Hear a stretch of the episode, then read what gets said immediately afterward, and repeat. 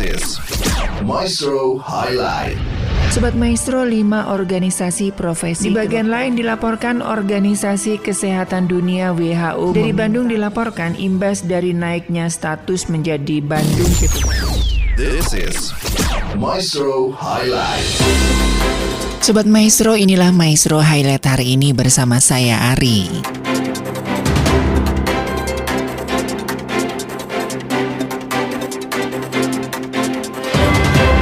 Sobat Maestro, kini heboh fenomena maraknya impor ilegal sepatu bekas antara lain diduga dari Singapura yang beredar di pasar-pasar offline maupun online di Indonesia. Menteri Perindustrian Agus Gumiwang angkat bicara fenomena ini. Ia menegaskan praktek impor ilegal sepatu bekas ini harus dihentikan karena berdampak buruk bagi industri alas kaki dalam negeri. Agus menyebutkan dari video yang beredar hasil investigasi bahwa semula masyarakat Singapura mendonasikan sepatu sepatu olahraga bekas pakai mereka melalui box-box donasi di tempat umum. Sepatu-sepatu tersebut akan didaur ulang menjadi alas taman bermain dan trek lari. Seorang jurnalis memasang alat pelacak di beberapa sepatu yang disumbangkan. Namun hasil pelacakannya menunjukkan bahwa sepatu-sepatu tersebut dijual di pusat-pusat penjualan sepatu bekas di Batam maupun Jakarta.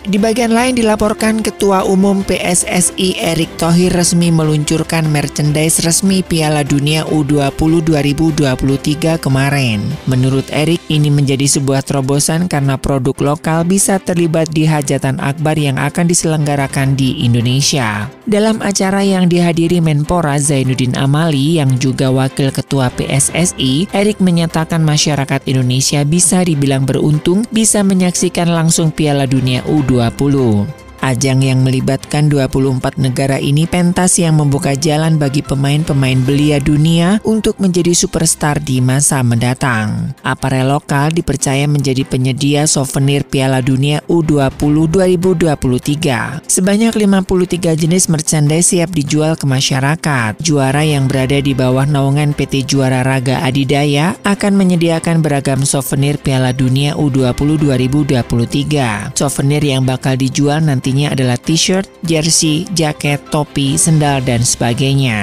Di bagian lain dilaporkan kemarin Presiden Joko Widodo meninjau pesawat baru TNI Angkatan Udara C-130J30 Super Hercules sebelum menyaksikan serah terima alat utama sistem persenjat sistem persenjataan teranyar itu dari Menteri Pertahanan Prabowo Subianto kepada Panglima TNI Laksamana TNI Yudo Margono. Sesudah peninjauan Presiden, Menteri Pertahanan menyerahkan secara simbolis kunci pesawat TNI AUC 130J30 Super Hercules A1339 kepada Panglima TNI. Prosesi dilanjutkan dengan menyibakan bendera satuan, pemecahan kendi dan penyiraman hidung pesawat oleh Presiden Joko Widodo. Super Hercules A1339 memiliki kapasitas kargo yang lebih besar dibanding model-model terdahulu yang dimiliki Indonesia seperti C130 30H. Sebelumnya, Kepala Staf TNI Angkatan Udara, Marsikal TNI Fajar Prasetyo mengatakan bahwa Indonesia menjadi negara pertama di Asia Tenggara yang memiliki pesawat C-130J30 Super Hercules. Sobat Maestro tidur dengan menggunakan kacamata atau lensa kontak merupakan suatu hal yang mengganggu dan menyebalkan untuk dilakukan. Namun kadang karena kondisi tubuh yang terlalu lelah dan kantuk yang terlalu hebat, hal ini bisa saja terjadi. Khususnya untuk lensa kontak, tidur dengan memakainya tidak hanya menyebalkan namun juga berbahaya. Sejumlah dampak mengerikan bisa terjadi pada mata ketika tidur menggunakan lensa kontak. Dilansir dari Gratis, penggunaan lensa kontak ini bisa membuat kornea kesulitan untuk bernafas. Patut diketahui, kornea merupakan satu-satunya jaringan transparan di tubuh yang memperoleh oksigen dari udara. Hal ini membuat ketika menggunakan lensa kontak, maka asupan oksigen menjadi menurun dan menutup mata membuat jumlahnya semakin menurun. Kerry Esil MD, dokter mata dari Esil Eye Institute Los Angeles mengatakan bahwa oksigen bisa berkurang secara kritis. Informasi kami rangkum dari berbagai sumber berita.